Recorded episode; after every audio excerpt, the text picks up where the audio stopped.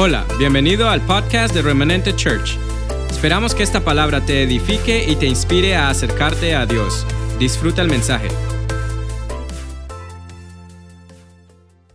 Vamos a, esté listo para la palabra. Haga algo antes de comencemos, porque esta palabra que Dios me ha dado hoy es una palabra que instruye, una palabra que edifica, una palabra que fortalece, una palabra que transforma. Y, yo quiero que usted bendiga a alguien con esa palabra. Siempre le damos la gloria al Señor. La palabra que Dios nos permite predicar, hemos recibido cada día ese feedback de, la gente que es de bendición. Entonces vale la pena, eh, independientemente de quién la predique, vale la pena que esa palabra llegue a, a, las vidas, llegue a sus familiares, a sus amigos. Así que ahora mismo haga esa pausa ahí, vuelve y comparta, o el que no lo ha hecho, comparta el enlace y de tal forma que esta palabra pueda llegar a otros. Esto es una manera de expandirlo y de expandirle rápido. Acuérdese que estamos también por YouTube, Facebook y YouTube. Así que hágalo en este momento. Amén. Padre, te damos gracias, bendecimos tu santo nombre y abrimos nuestro corazón para que tu palabra venga y nos instruya, Señor, nos enseñe, nos corrija, nos redarguya, nos transforme de tal manera que tu Espíritu Santo sea completando la buena obra que tú has comenzado en nosotros. Bendecimos tu santo nombre y declaramos que la palabra cobra vida en el corazón de cada uno, en el nombre de Jesucristo. Amén y amén. A través de los años eh, he vivido el mover y del poder eh, y la manifestación del Espíritu Santo. He visto cómo la iglesia ha disfrutado de la obra del Espíritu Santo y hemos disfrutado de ese obrar del Espíritu Santo. Y hoy, este fin de semana, lo hemos oído, se celebra la fiesta de Pentecostés, que fue la fiesta durante el cual se manifestó el poder del Espíritu Santo en la tierra, en los hombres, eh, en cuanto a, a lo personal, en cuanto a esa relación personal con Dios, porque si nosotros vemos la escritura, la manifestación del Espíritu Santo y el poder del Espíritu Santo siempre ha estado operando sobre la tierra desde el principio, aún desde Génesis 1, eh, 2, dice que eh, la tierra estaba desordenada y vacía y el Espíritu de Dios se movía sobre las aguas. Y es importante que nosotros tengamos claro eh, dentro, dentro de lo que es la naturaleza del Espíritu Santo en nosotros, y la manifestación del poder del Espíritu Santo en nuestras vidas. Y este es un tema que siempre a través de los años yo he visto que ha sido de discusión teológica y para mucha gente, para muchos es claro, para otros no lo es. Pero esta mañana a través de la palabra vamos a hacer lo, posible para que eso sea claro en tu vida y tú puedas tener eh, eh, esa, no experiencia, pero esa convicción de que el poder, de que la naturaleza del Espíritu Santo mora en nosotros y opera en nosotros y cómo opera. Y a través de los dones y los milagros, el poder, el, bautismo mismo, eh, he oído ah, tremendas y poderosas prédicas acerca de lo que el Espíritu Santo hace y lo que hemos llamado el ministerio del Espíritu Santo en la tierra. Entonces, eh, además, por otro lado, he oído prédicas acerca de, lo que es y quién es el Espíritu Santo. Entonces, por un lado, hemos visto un énfasis en lo que el Espíritu Santo hace y por otro lado, hemos visto un énfasis en lo que el Espíritu Santo es.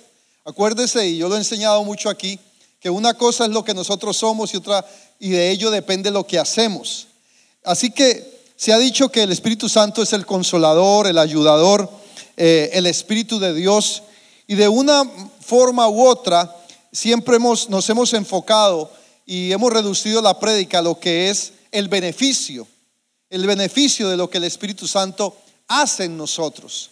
Y es importante, es importante el beneficio, es importante la manifestación del Espíritu. Yo creo en los dones, yo creo en el poder, yo creo en la obra del Espíritu Santo en nosotros.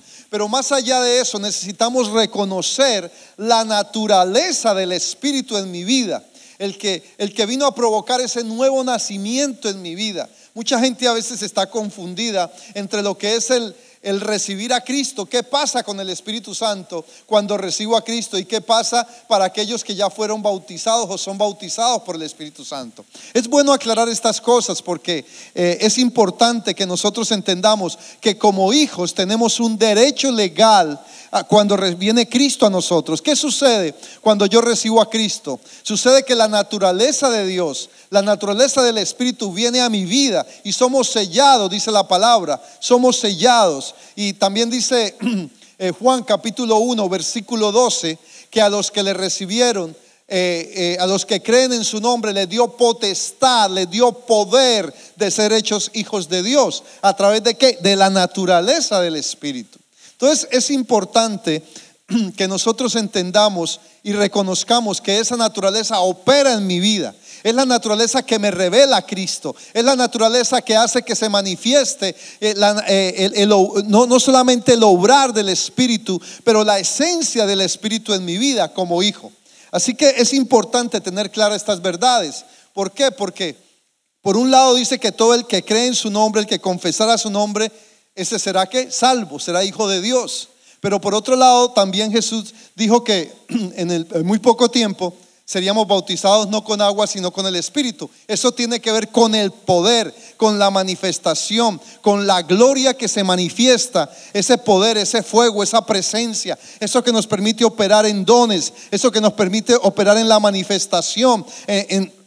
disculpe, si alguien me regala agua, un poquito eh, agitado mi garganta. Eh, es importante tener esa claridad. ¿Qué sucedió? Habían unos que habían recibido a Cristo, dicen hechos, pero ellos no se habían encontrado con esa eh, plenitud de, la, obra del Espíritu en sus vidas para poder operar en esa presencia de poder. Entonces es importante tener claro. Ahora, hoy se está celebrando, como siempre lo hemos dicho, gracias, oh, muchas gracias la fiesta de, Pentecostés, que tiene que ver que son lo que se llama las, la fiesta de las semanas o, de, la cosecha, de la siembra y la cosecha. Entonces, e, es una fiesta que es una de las fiestas, o Chabuot, que es una de las fiestas mayores de las cuales habla la palabra en, Levítico 23, en Deuteronomio 16, en Éxodo 24. Usted lo puede encontrar ahí eh, como referencia de esas tres fiestas mayores que son eh, Pascua, tabernáculos y Chabuot o la fiesta de las semanas. Entonces, mucho se dice de las fiestas, mucho se habla de las fiestas, pero el énfasis aquí es que esta no es la fiesta del, Espíritu Santo. No, no, porque a veces hacemos referencia a celebraciones. No, el Espíritu Santo siempre está operando en nuestras vidas. Recordamos lo que sucedió en Pentecostés. Ok, eso es importante. Pero, pero a veces eh, establecemos y hacemos más énfasis en, la fiesta como tal que lo que realmente es el Espíritu Santo en nuestra vida. Y entender que el Espíritu Santo, muchas veces se cree que el día de Pentecostés fue que la deidad del Espíritu Santo empezó a operar en la tierra. Tampoco, la deidad del Espíritu opera desde el principio, desde antes de la fundación del mundo y se manifestó en la tierra desde el principio. Estoy yendo rápido porque tengo algo que, bastante que cubrir, pero espero que, esto llegue a tu corazón y sea impactado en tu espíritu Vamos a entender cosas muy importantes y muy interesantes esta mañana. Dice la palabra en Génesis capítulo 1, versículo 2, que el Espíritu se movía sobre la faz de la tierra. O sea, el Espíritu ya estaba, ya estaba operando e, en la tierra. Luego en Génesis capítulo 2, versículo 7 dice que el hombre recibió el aliento de vida, el aliento del Espíritu, el ser de Dios. Dios sopló sobre el hombre de su Espíritu. O sea que ese espíritu vino a morar antes de que el hombre cayera. El espíritu eh, era parte de la naturaleza nuestra. Eh, eh, la naturaleza del espíritu moraba, impactó nuestra vida. Esa esencia vino a darnos vida. Pero obviamente cuando vino la caída, el hombre falló y, eso vino a cambiar. Entonces el espíritu después vienen las promesas, dice en, Joel que en los posteriores tiempos derramaré mi espíritu sobre toda carne, los jóvenes eh, verán visiones, los ancianos soñarán sueños. Entonces, y sobre toda carne derramaré de mi espíritu. Entonces, vemos esa promesa, vemos eh, ese poder que disponible para nosotros. Luego Jesús, eh, lo vemos en los evangelios cuando fue bautizado, dice que el espíritu vino sobre él, vino en él. Pero Jesús tenía la esencia del espíritu. Jesús tenía la naturaleza del Espíritu. Jesús tenía la divinidad, dice la palabra en primera de, de Pedro, segunda de Pedro 1.4, que somos partícipes de la naturaleza divina de Dios. Entonces Jesús, aunque era Dios, ¿por qué necesitó de la presencia del Espíritu? Porque él caminaba como, como hombre, como humano, y necesitaba de esa manifestación, necesitaba de esa naturaleza obrando en su vida para que toda la revelación y la comunión con el Padre fuese activa. Entonces, es importante tener claro, eh, digámoslo así, el principio. Ahora, hoy quiero hablarte, esto era como la introducción, hoy quiero llevarte a través de la palabra a, a un encuentro personalizado, por decirlo de esa forma, con la persona del Espíritu Santo y que más allá de su poder, de sus manifestaciones, de la unción que dice la palabra que está en nosotros. La palabra dice que nosotros tenemos la unción del santo. Primera de Juan capítulo 2, versículo 20, primera de Juan capítulo 2, versículo 27. Ahí está claro. Entonces es importante que nosotros tengamos, eh, valga la redundancia, esa claridad, esa eh, seguridad, esa convicción de que el Espíritu Santo, la naturaleza del Espíritu está en mí. Eso partamos de ahí, porque es a través de ello que Dios empieza a ser revelado en nuestra vida. Es a través de esa naturaleza que Cristo empieza a ser formado en mi vida. Luego dice eh, Gálatas capítulo 4, versículo 6, que nosotros hemos recibido el Espíritu del Hijo, por el cual clamamos, Abba Padre. Y eso es desde el principio, desde que usted recibe a Cristo, entiéndame esto, desde que usted recibe a Cristo, usted recibe el Espíritu del Hijo. Y eso le revela al Padre. Eso le da la capacidad de tener comunión con el Padre. Entonces, cuando hablamos de la naturaleza del Espíritu, es la capacidad que se nos, se nos es dada como hijos de que la divinidad, divinidad de Dios sea manifiesta y opere en nuestra vida. Así que, eh, teniendo esto claro, yo quiero que usted abra su Biblia en Primera de Corintios, capítulo 2, y yo quiero, a través de este pasaje, empezar a explicarle cómo opera la naturaleza del Espíritu Santo en nuestra vida. Cómo, más allá de la manifestación y el poder, lo cual es importante, no me malentienda, necesitamos esa plenitud del Espíritu que viene a través del bautismo del Espíritu Santo en nosotros, para que el poder, los donos, la manifestación sea operando a través nuestro pero que entendamos qué es lo que a mí me cambia, qué es lo que a mí me transforma. Es importante clarificarle esto a la iglesia, porque créame, esto ha traído un poquito de confusión y a veces son temas que no se quieren tocar para, ah, porque, no sé, quizá no traer confusión, pero al contrario, es nuestro deber como pastores, como predicadores, clarificarle a la gente traerle la palabra clara para que podamos movernos en las verdades presentes que la palabra ha establecido para nuestras vidas. No con esto le quiero decir que es que tengo una revelación exclusiva, no, esto es una revelación disponible para todos. La, la revelación exclusiva no existe. Tenga cuidado cuando alguien venga y le diga, es que yo tengo la última revelación de los tiempos. Bueno, si la tiene él, la tiene que tener toda la iglesia. Así que a eso me refiero. Abra su Biblia en Primera de Corintios, capítulo 2 versículo, vamos a leer a partir del versículo 6. Dice, en, el título de mi Biblia dice, sabiduría procedente del Espíritu. En, en cambio, hablamos con sabiduría. En cambio, hablamos con sabiduría entre los que han alcanzado madurez, pero no con la sabiduría de este mundo ni con la de sus gobernantes, los cuales terminarán en nada. Más bien, exponemos el misterio de la sabiduría de Dios, una sabiduría que ha estado escondida y que Dios había destinado para nuestra gloria desde la eternidad. ninguno de los gobernantes de este mundo la entendió porque de haberla entendido no habrían crucificado al Señor de la gloria. Sin embargo, como está escrito, escuche esto, cosas ningún ojo ha visto, ningún oído ha escuchado, Ninguna mente humana la ha concebido. Déjeme, yo le leo una versión más, más entendible. Déjeme encontrarla aquí. Primera de Corintios, capítulo 2, versículo 9. Y vamos ahora en el 9. Dice, antes bien, seguimos en el mismo pasaje, como está escrito, cosas que ojo no vio, ni oído oyó, ni han subido en corazón de hombre, son las que Dios ha preparado para los que le aman. ¿Usted ama a Dios? Entonces Dios la preparó para usted. ¿Usted ama a Dios? Estos misterios, estas cosas que ni ojo vio, ni oído escuchó, ni ha subido a corazón de hombre, Dios ahora por su espíritu ha decidido traérnoslas a revelación, a conocimiento. ¿A quiénes? Simple. ¿Cuál es la condición? A los que le aman. A los que le aman. Pero Dios nos las reveló. ¿A quiénes? A nosotros. ¿Por medio de qué? Del Espíritu. Porque el Espíritu todo lo escudriña aún lo más profundo de Dios. Nos la reveló por medio de quién? Del Espíritu. ¿Cuál Espíritu? El Espíritu que mora en usted y mora en mí.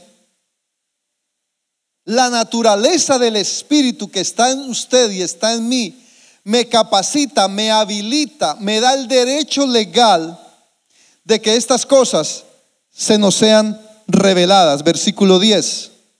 Porque el Espíritu todo lo escudriña, aunque lo profundo de Dios. Porque ¿quién de los hombres, escúcheme, sabe las cosas del hombre sino el Espíritu del hombre que está en él? Así tampoco nadie conoció las cosas de Dios sino el Espíritu de Dios. Versículo 12. Y nosotros no hemos recibido el Espíritu del mundo,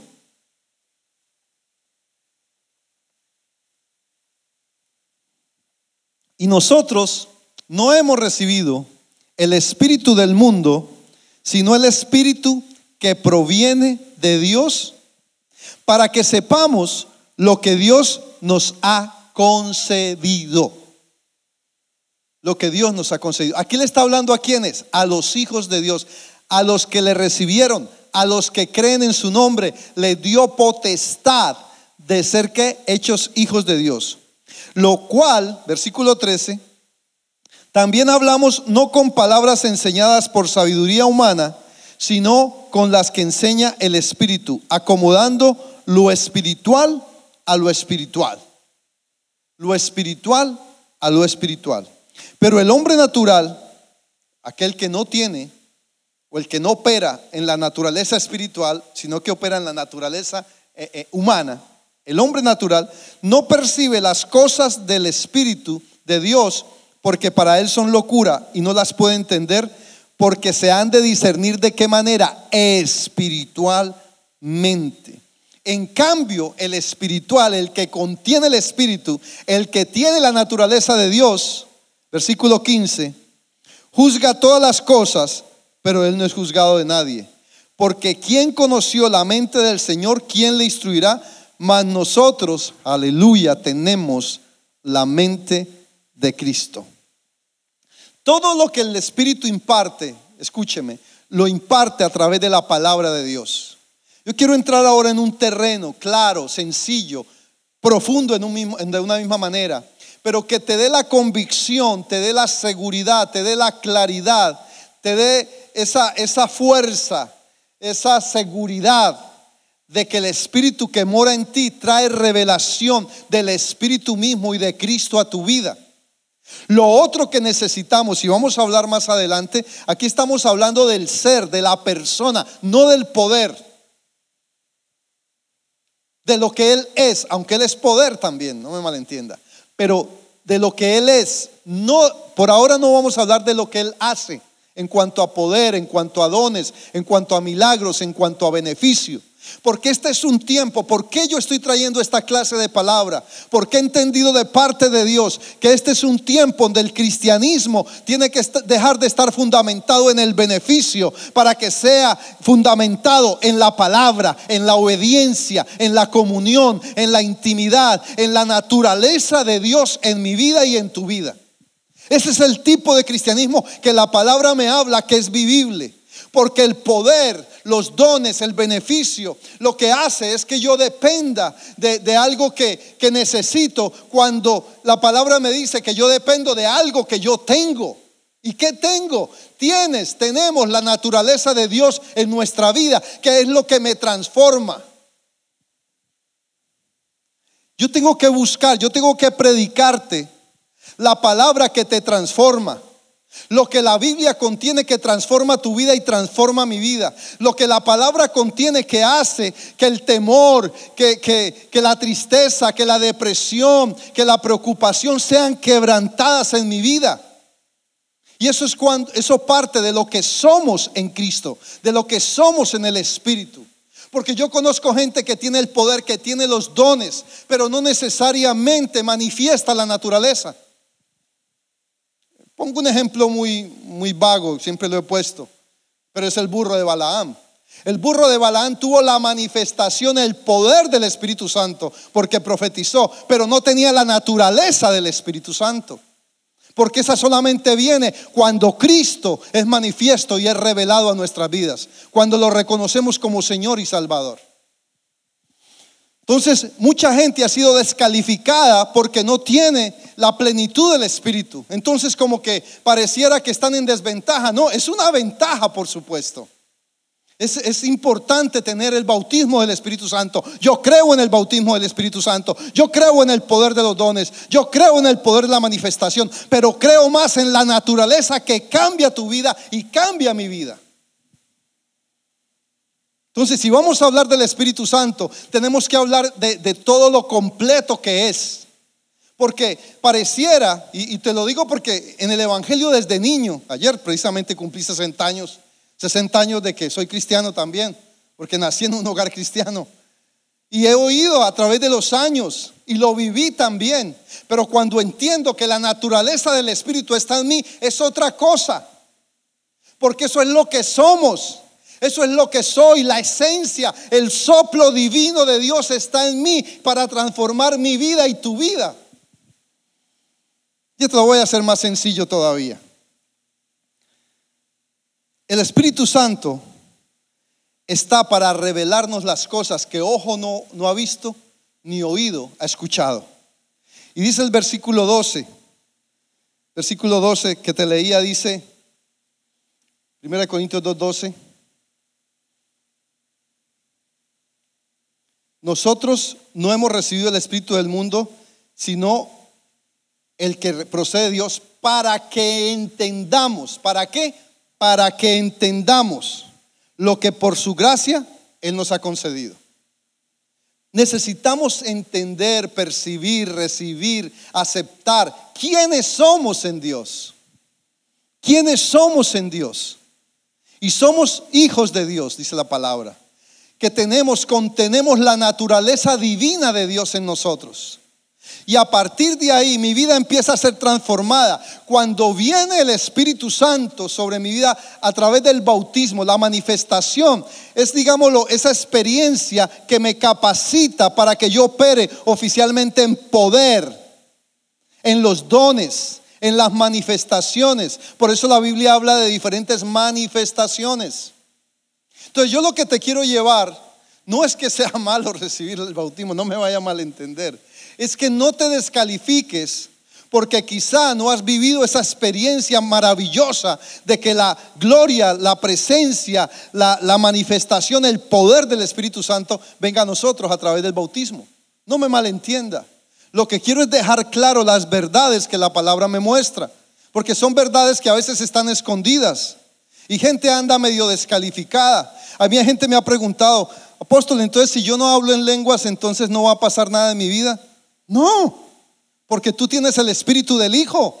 Sí va a pasar mucho. Tienes el espíritu del Hijo, el cual te hace reconocer que tienes Padre. Entonces, es importante que reconozcamos que el Espíritu Santo en tu vida, en nuestra vida, escudriña el corazón del Padre para revelarme las cosas que están ocultas. Cosas que ojo no vio ni oído yo ni han subido a corazón de hombre, son las que el Espíritu Santo en ti viene a revelar. Ahí está, 1 Corintios 2, Puedes leerte todo y, y ahí vas a encontrar. Ahora, entiéndame esto. El Espíritu Santo hace que nosotros como hijos tengamos una visión clara del plan eterno de Dios para cada uno de nosotros. Yo sé que estoy rompiendo y lo siento en mi espíritu, que estoy rompiendo y estoy tomando muros y paradigmas. Pero eso lo voy a dejar muy claro a medida que vaya hablando. Escucha esto, en la antigüedad existían lo que eran los escribas. Los escribas se encargaban de que toda la revelación que se recibía fuera consignada, fuera escrita eh, eh, eh, obviamente en un pergamino, en un rollo. Y hoy el Espíritu Santo lo que ha venido a hacer en nosotros es ser ese escriba que ha escrito la palabra en nuestros corazones. Dice que recibamos la palabra implantada en nuestros corazones, Santiago 1.21. Y esa revelación del Padre, para que cobre vida en, en nosotros, necesitamos de que el Espíritu Santo escriba esa palabra en nuestros corazones. ¿Por qué? Dice Juan 6:63, mis palabras son espíritu y son vida. Mis palabras son espíritu y son vida. Entonces quiero hacer un paréntesis para aclararte. Por un lado estoy hablando de la naturaleza del Espíritu Santo a través de, la, de Cristo en mi vida. Y por otro lado estoy hablando del poder o del bautismo del Espíritu Santo. Estoy mencionándolo, no, no, no he profundizado todavía en esta parte. Estoy profundizando en la parte de la naturaleza. En ti y en mí mora la naturaleza del Espíritu. Lo que me da la capacidad de ser hijo. Dice que hemos recibido el Espíritu del Hijo. Estoy haciendo este paréntesis para que se nos vayan aclarando las ideas. Porque no falta quien diga de qué habla, ¿no? No, yo estoy hablándote por la palabra. No te estoy hablando por mi concepto ni por mi posición. Te estoy tratando de que la palabra se te sea clara para que tú te pares en terreno firme y el enemigo no te descalifique. Ahora, a partir de la naturaleza, donde Cristo se me ha revelado, donde los misterios del Espíritu son accesibles a mi vida, tengo todavía un beneficio extra, que es el bautismo del Espíritu Santo, que me da la capacidad, que me adiestra, que me entrena para operar en la plenitud del poder de Dios a través del Espíritu Santo. Entonces por eso es que hay personas que tienen la capacidad de orar por enfermos y ser sanos, de orar por milagros, tienen diferentes dones, pueden profetizar, porque eso los capacita para ello. Entonces, el, bautismo del Espíritu Santo es la manifestación de la plenitud del poder de Dios en nosotros.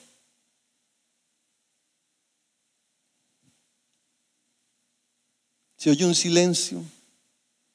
No solamente porque aquí no hay nadie, pero, pero siento que hay un silencio allá en las casas.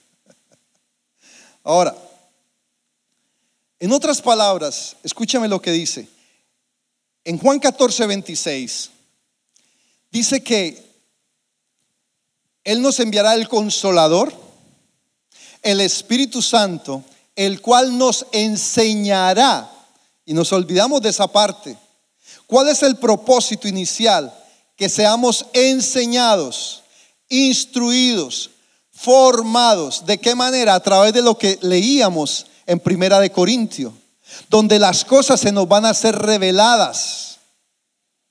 ¿Por causa de qué? De la naturaleza del Espíritu Santo que mora en mí.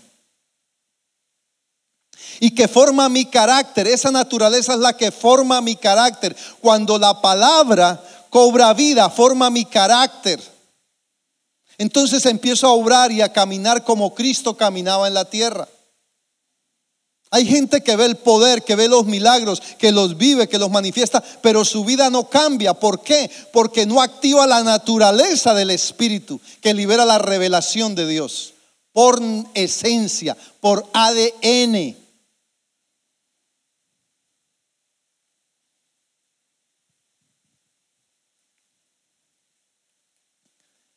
O sea que el Espíritu Santo vino para traerme la revelación de los misterios de Dios. De los misterios de Dios. Se lo voy a mostrar de esta manera. En el Antiguo Testamento, la naturaleza operaba en algunos, como en David, como en los profetas, venía y se manifestaba sobre ellos. Ellos no habían recibido la plenitud del Espíritu Santo como nosotros tenemos acceso a ellos. Pero mire un hombre como Elías, Vive el Señor en cuya presencia estoy. ¿Qué le hacía pensar? ¿Qué le daba la convicción a Elías? El Espíritu Santo. El Espíritu de Dios en él. Que venía y se manifestaba en él porque todavía Cristo no había muerto en la cruz. Entonces, digámoslo, que eran revelaciones ocasionales, por decirlo de esa forma, mientras que ahora la revelación es una verdad presente en nuestra vida, por causa de la naturaleza del Espíritu Santo que viene a través de la obra de Cristo. Porque primero fue Cristo en la tierra y luego Él envió el Espíritu Santo, para que Cristo fuese manifiesto en nosotros, dice la palabra, no lo digo yo. Entonces yo quizá no le estoy diciendo nada nuevo. Lo que estoy tratando es de ayudarle o ayudarnos a ordenar las ideas. Y la palabra de Dios nos muestra entonces que una de las funciones más importantes del Espíritu Santo no son los milagros. Eso es parte de. Pero la función más importante del Espíritu de Dios en nosotros es que la naturaleza de Dios se manifieste y entonces nos forme y nos transforme. Obviamente nos da herramientas, los dones son herramientas para eso. El poder es una herramienta para ello. Pero necesitamos ubicarnos, alinearnos con la palabra. Alguien nos lo tiene que decir. Y esto lo dicen muchos hombres de Dios, yo no soy el único. Porque siempre que oímos de hablar del Espíritu Santo, lo primero que pensamos es poder. Espíritu Santo, poder. Espíritu Santo, manifiéstate, poder. Pero ¿qué? ¿Cuántas veces le pido al Espíritu Santo que transforme mi alma, que renueve mi mente, que me revele los misterios, que me saque del pecado? Porque Él vino a convencer, se nos olvidó que Él vino a convencer de justicia y de juicio. De pecado, de justicia y de juicio. Se nos olvidó. Entonces nos hemos metido en el beneficio. Y yo lo voy a decir, a lo mejor me van a criticar, pero yo voy a seguir predicando un evangelio de transformación. El beneficio vendrá como añadidura. Dejemos de predicar ese evangelio de beneficio, porque eso no transforma las vidas. Claro, el beneficio de, de Cristo en mí, obviamente me lo transforma. Pero siga al Señor para la bendición, siga al Señor para el milagro, siga al Señor. No, siga al Señor. Sigamos al Señor porque necesitamos que la naturaleza divina de Él en mí cambie mi vida y me arranque, me arrebate del pecado que me arrebate del dolor, que me arrebate de la tristeza, que me arrebate de la depresión, que me arrebate del miedo, que me arrebate de la preocupación, que me arrebate del temor a no tener que comer, que me arrebate del temor de qué va a pasar mañana, que me arrebate del temor de aquello o de esto.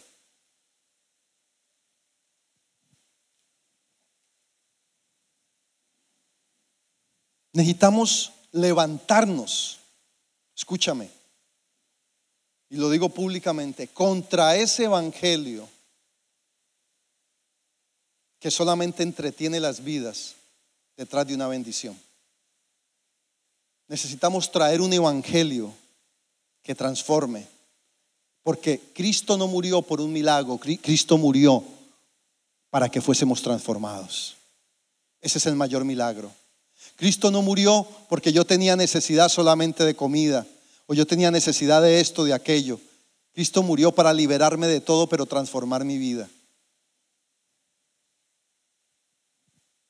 De hecho, la Biblia dice, muchos dirán, Señor, en tu nombre hice esto, en tu nombre hice, hice, hice, hice, hice. ¿Y qué dice al final? No os conozco. Porque Cristo conoce, sabe a quiénes. Aquellos que queremos caminar en representar su naturaleza. Hijitos míos, dice Pablo, por quienes sufro dolores de parto hasta que Cristo sea formado. Cristo necesita ser formado. El primer ministerio del Espíritu Santo entonces es formar a Cristo en mi vida.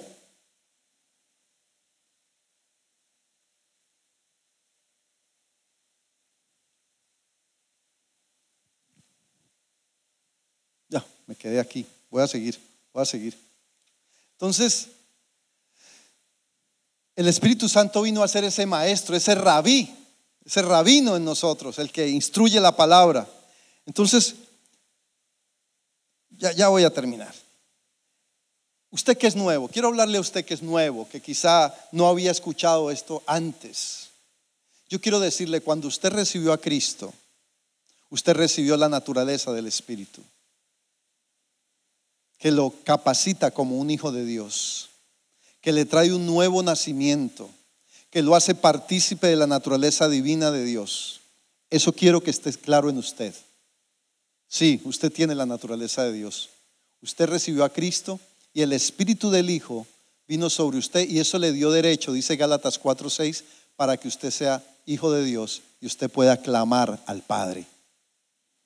Eso es un derecho suyo. Nadie se lo puede quitar. Se lo dio Cristo. Entonces, por un lado está lo que el Espíritu Santo es y por otro lado está lo que el Espíritu Santo hace. Y ahí voy a entrar. Ya sabemos lo que es. Es la naturaleza de Cristo en nosotros. ¿Estamos? Cuando le recibimos. Es el que nos revela los misterios. Es el que transforma nuestra alma. Es el que forma carácter en nosotros. ¿Cuál carácter? El carácter de Cristo. Pero por otro lado es el poder, la plenitud del poder y la manifestación de Dios en nosotros, que nos habilita para soñar, para ver visiones, para operar en los dones, para operar en, el poder de Dios. Eso es un derecho, claro que también lo es. Y necesitamos buscarlo también, anhelarlo. La palabra dice que anhelemos los mejores dones. Pero hay gente que está anhelando los mejores dones, pero no está buscando transformar su vida. Solamente quieren una experiencia. Esto no se trata de una experiencia. Esto se trata de un estilo de vida, de una naturaleza en mi vida que cobra, cobra transformación, cobra cambios. Entonces tú que eres nuevo, esto es para ti. Si hay una plenitud del Espíritu, porque ya tienes la naturaleza, ya la tienes. Pero necesitas, necesitamos ese poder, esa plenitud, esa manifestación, porque obviamente, sí, obvio, es un, es un beneficio para completar esa obra del Espíritu en mi vida. ¿Quién no quiere operar en dones? Todos queremos. ¿Quién no quiere operar en milagros? Todos queremos. ¿Quién no quiere tener esa plenitud? Profetizar, liberar la, profecía, hablar la, la palabra. ¿Quién no quiere eso? La habilidad, la capacidad. Todos queremos eso. Y eso es lo que es el bautismo del Espíritu Santo en nosotros.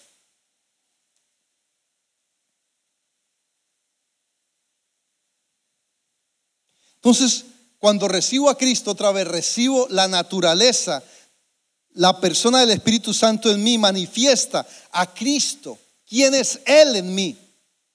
Luego viene la plenitud o el bautismo, que es el poder de Dios, de Cristo en mi vida a través del Espíritu Santo. Y por eso fue que en Pentecostés, ahí sí podemos ir, en, Hechos capítulo 1, cuando después de 40 días y 10 días más, Después de 40 días dice que Jesús estuvo, Hechos capítulo 1, versículo 3, estuvo enseñándoles acerca del reino porque Él estuvo personalmente todavía? Porque todavía el Espíritu Santo no moraba en ellos.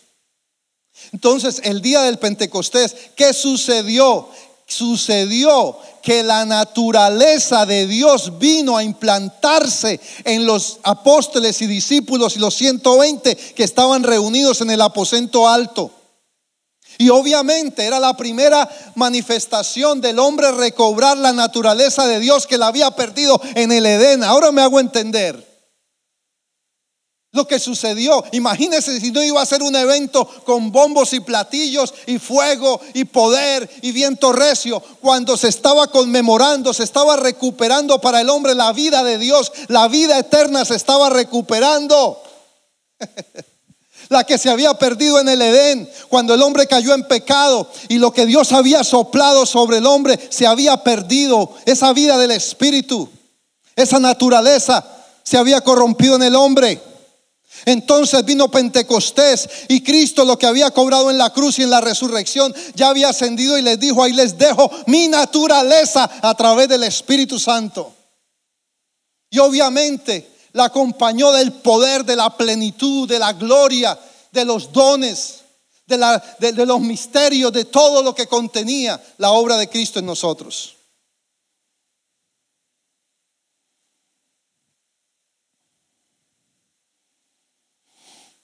Y eso tiene que ver con este pasaje. Yo quisiera poder ampliar más este pasaje de Primera de Corintios. Entonces necesitamos estar convencidos de que la naturaleza de Dios está en nosotros. Y luego viene el poder, el beneficio. Pero dejemos de enfocarnos en el beneficio, porque eso nos tiene distraídos de la verdadera transformación que tú y yo necesitamos. Tú necesitas transformación, yo necesito ser transformado. Hay áreas en mi vida que todavía necesitan cambiar y hay áreas en tu vida que todavía necesitan cambiar. Y una experiencia no lo va a hacer, lo va a hacer cuando la naturaleza del Espíritu en mí me revela al Padre, me revela a Cristo y se forma en mí.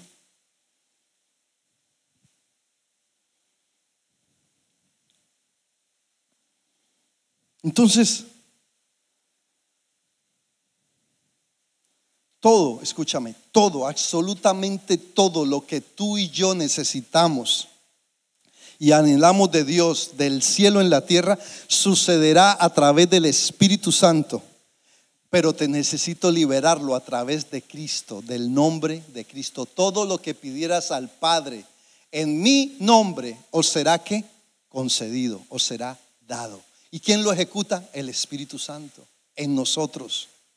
Así que tú y yo somos dotados y capacitados por el Espíritu. Y por eso es que, y con esto termino ya, esto es muy amplio, pero quería dejar ese fundamento ahí. Por eso en la, en la Biblia, en, en Isaías capítulo 11, versículo 2, habla de los siete espíritus. Termino con esto. Habla de los siete espíritus. ¿Y qué significa eso? Ya le voy a explicar.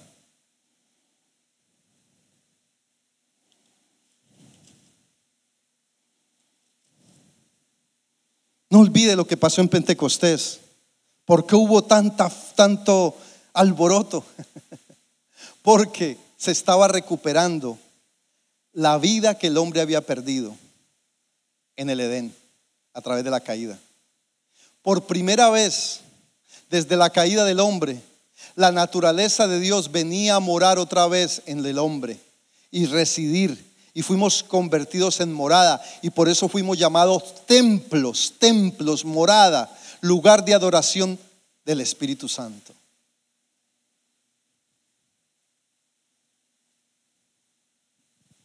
Isaías capítulo 11, versículo 2. Dice, para que usted vea lo que es la plenitud. Siempre la plenitud del Espíritu Santo en mi vida, la naturaleza del Espíritu Santo en mi vida, tiene que traer transformación. Tiene que traer transformación. Un don no me va a transformar. Una manifestación no me va a transformar. La naturaleza del Espíritu en mi vida me transforma, me convierte a Cristo hace que la naturaleza con que Cristo operó en la tierra también opere en mi vida. Un don me habilita, un don me capacita, un don es una herramienta, pero la naturaleza es la que me transforma. O sea, Dios mismo, no lo que hace, lo que es, lo que Él es en mí. Eso me va a transformar. ¿Qué tanto de Cristo hay en mí? Eso es lo que me cambia. ¿Qué tanto de Cristo hay en mí? Eso me libera. ¿Qué tanto de Cristo hay en mí? Eso me restaura. ¿Qué tanto de Cristo hay en mí? Eso me restaura, me restituye. ¿Qué tanto de Cristo hay en mí? Eso transforma mi vida y mi entorno. Isaías capítulo 11, versículo. Dice, y está hablando, eh, vamos a leer desde el 1, 1 y 2, dice, del trono, del tronco de Isaí brotará un retoño, un vástago nacerá de sus raíces. Está hablando de Cristo. Está hablando de Cristo. Y entonces dice, el Espíritu del Señor, de Cristo, reposará sobre él, sobre Cristo.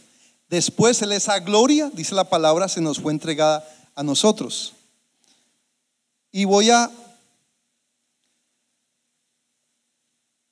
voy a hablar de lo que son los siete espíritus, que es la plenitud del espíritu. Un solo espíritu, pero siete características de su naturaleza. Siete características de su naturaleza. Espíritu del Señor reposa sobre él. Espíritu de sabiduría, espíritu de entendimiento, espíritu de consejo, espíritu de poder, espíritu de conocimiento. Seis, y espíritu de temor del Señor. ¿Qué significa eso? Espíritu del Señor, la naturaleza de Dios en nosotros. Rapidito te lo voy a decir. ¿Qué significan esos siete espíritus? Un espíritu, la naturaleza. Eso necesita el hombre. La naturaleza de Dios en su vida. La naturaleza del espíritu, que es la naturaleza divina de Dios en mi vida. Reposará y se manifiesta de qué manera en nosotros esa naturaleza. Míralo de esta forma. Espíritu de sabiduría. ¿Sabe algo interesante? Que buscando, y obviamente dentro de, lo que es la parte de estudio, de, de investigación, de profundidad de la palabra, una de las palabras, las palabras en el Antiguo Testamento, tienen un contexto del hebreo antiguo, del hebreo moderno y del hebreo pictórico. El hebreo pictórico representa muchas cosas cuando es explicado. Y entre lo que esta palabra dentro del hebreo pictórico o jeroglífico que llaman, porque así empezó el hebreo con jeroglíficos, significa es astucia. Y la palabra dice, en, los evangelios Jesús dijo que fuéramos astutos.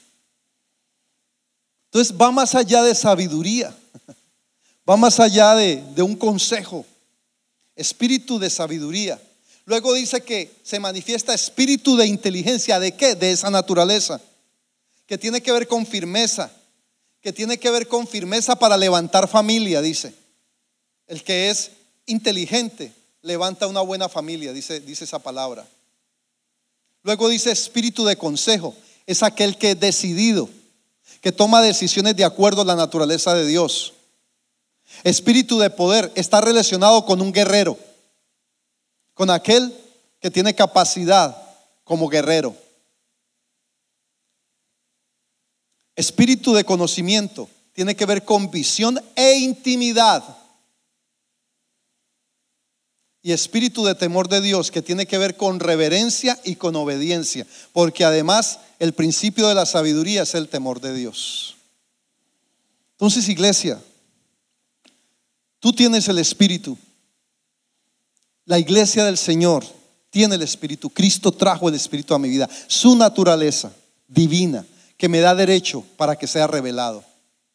Pero también necesitamos de esa plenitud, de ese bautismo. Ahora voy a hablarte de esto en un minuto para que oremos, para que el Espíritu, la plenitud de la unción sea manifiesta en tu vida. La palabra dice que nosotros tenemos la unción del Santo, o sea, el poder pero tiene que ser manifiesto, tiene que ser liberado a través de ese bautismo, por decirlo de esa forma.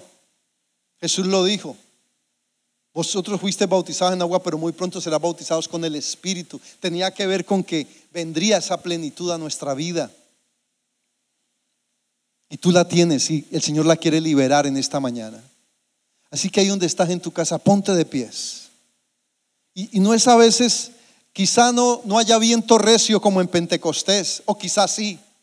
Quizá no vas a sentir que las ventanas de tu casa se abren y se cierran. Quizá no vas a sentir que truenos, rayos y centellas caen sobre tu casa, pero algo te puedo asegurar y es que la plenitud del Espíritu Dios la quiere manifestar en tu vida. Así que ahí donde está en, en tu casa, levanta tus manos y anhélalo. Dile, Señor, dame esa plenitud de tu Espíritu. Padre, en esta hora oramos para que la plenitud de tu Espíritu Santo sea obrando en la vida de cada uno de nosotros para que esa llenura de tu gloria en nosotros se manifieste, para que el poder de tu bautismo venga sobre nuestras vidas y nos capacite, nos habilite, Señor, trayendo revelaciones, trayendo dones, trayendo, Señor, esa plenitud, esa gloria, trayendo nuevas lenguas, Señor, lenguas angelicales, lenguas, Señor, que te adoran, lenguas que traen revelación, Señor. Glorifícate en la vida de cada uno en esta hora, Señor. Glorifícate, glorifícate, glorifícate. Espíritu de Dios, sopla, sopla, sopla, sopla, sopla sobre cada vida en esta hora y en nuestras casas.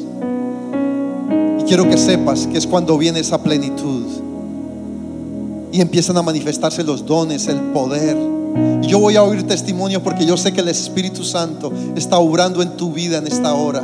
Yo sé que voy a oír ahora mismo en el, en, en el chat, colócalo. Si tú, estás, si tú estás viviendo en este momento ese fluir del Espíritu, esa plenitud, escríbelo ahí en, en el chat. Aleluya. Esa gloria de Dios que se manifiesta con poder, con dones, con manifestaciones. Esa es, un, esa es otra, otra manera de, de liberar esa gloria del Espíritu Santo en nosotros. Así que órale al Señor en esta hora. No te vayas, no te muevas de ahí. No te muevas de tu, de tu dispositivo. Sino que dile, Señor, que tu Espíritu se manifiesta en mi vida con poder, con milagros, con unción. Que la unción que ya pusiste en mí se libere en el nombre de Jesucristo. Aleluya. Díselo al Señor. Dile, Espíritu de Dios, te anhelo, te deseo. Ven a mi vida, manifiesta lo que ya me diste, manifiesta tu naturaleza con poder, con milagros, con, con, con gloria, Señor, en el nombre de Jesús. Es cuando podemos vivir en esa gloria, en esa gloria del Espíritu. En el nombre de Jesús. Bendigo tu vida, iglesia. Y camina, camina por esto. Y vas a ver una gloria nueva en tu vida. Aleluya, Señor. Aleluya. Los bendigo, iglesia. Y declaro que esta palabra cobra vida en ti. En el nombre de Jesús. En el nombre de Jesús. En el nombre de Jesús.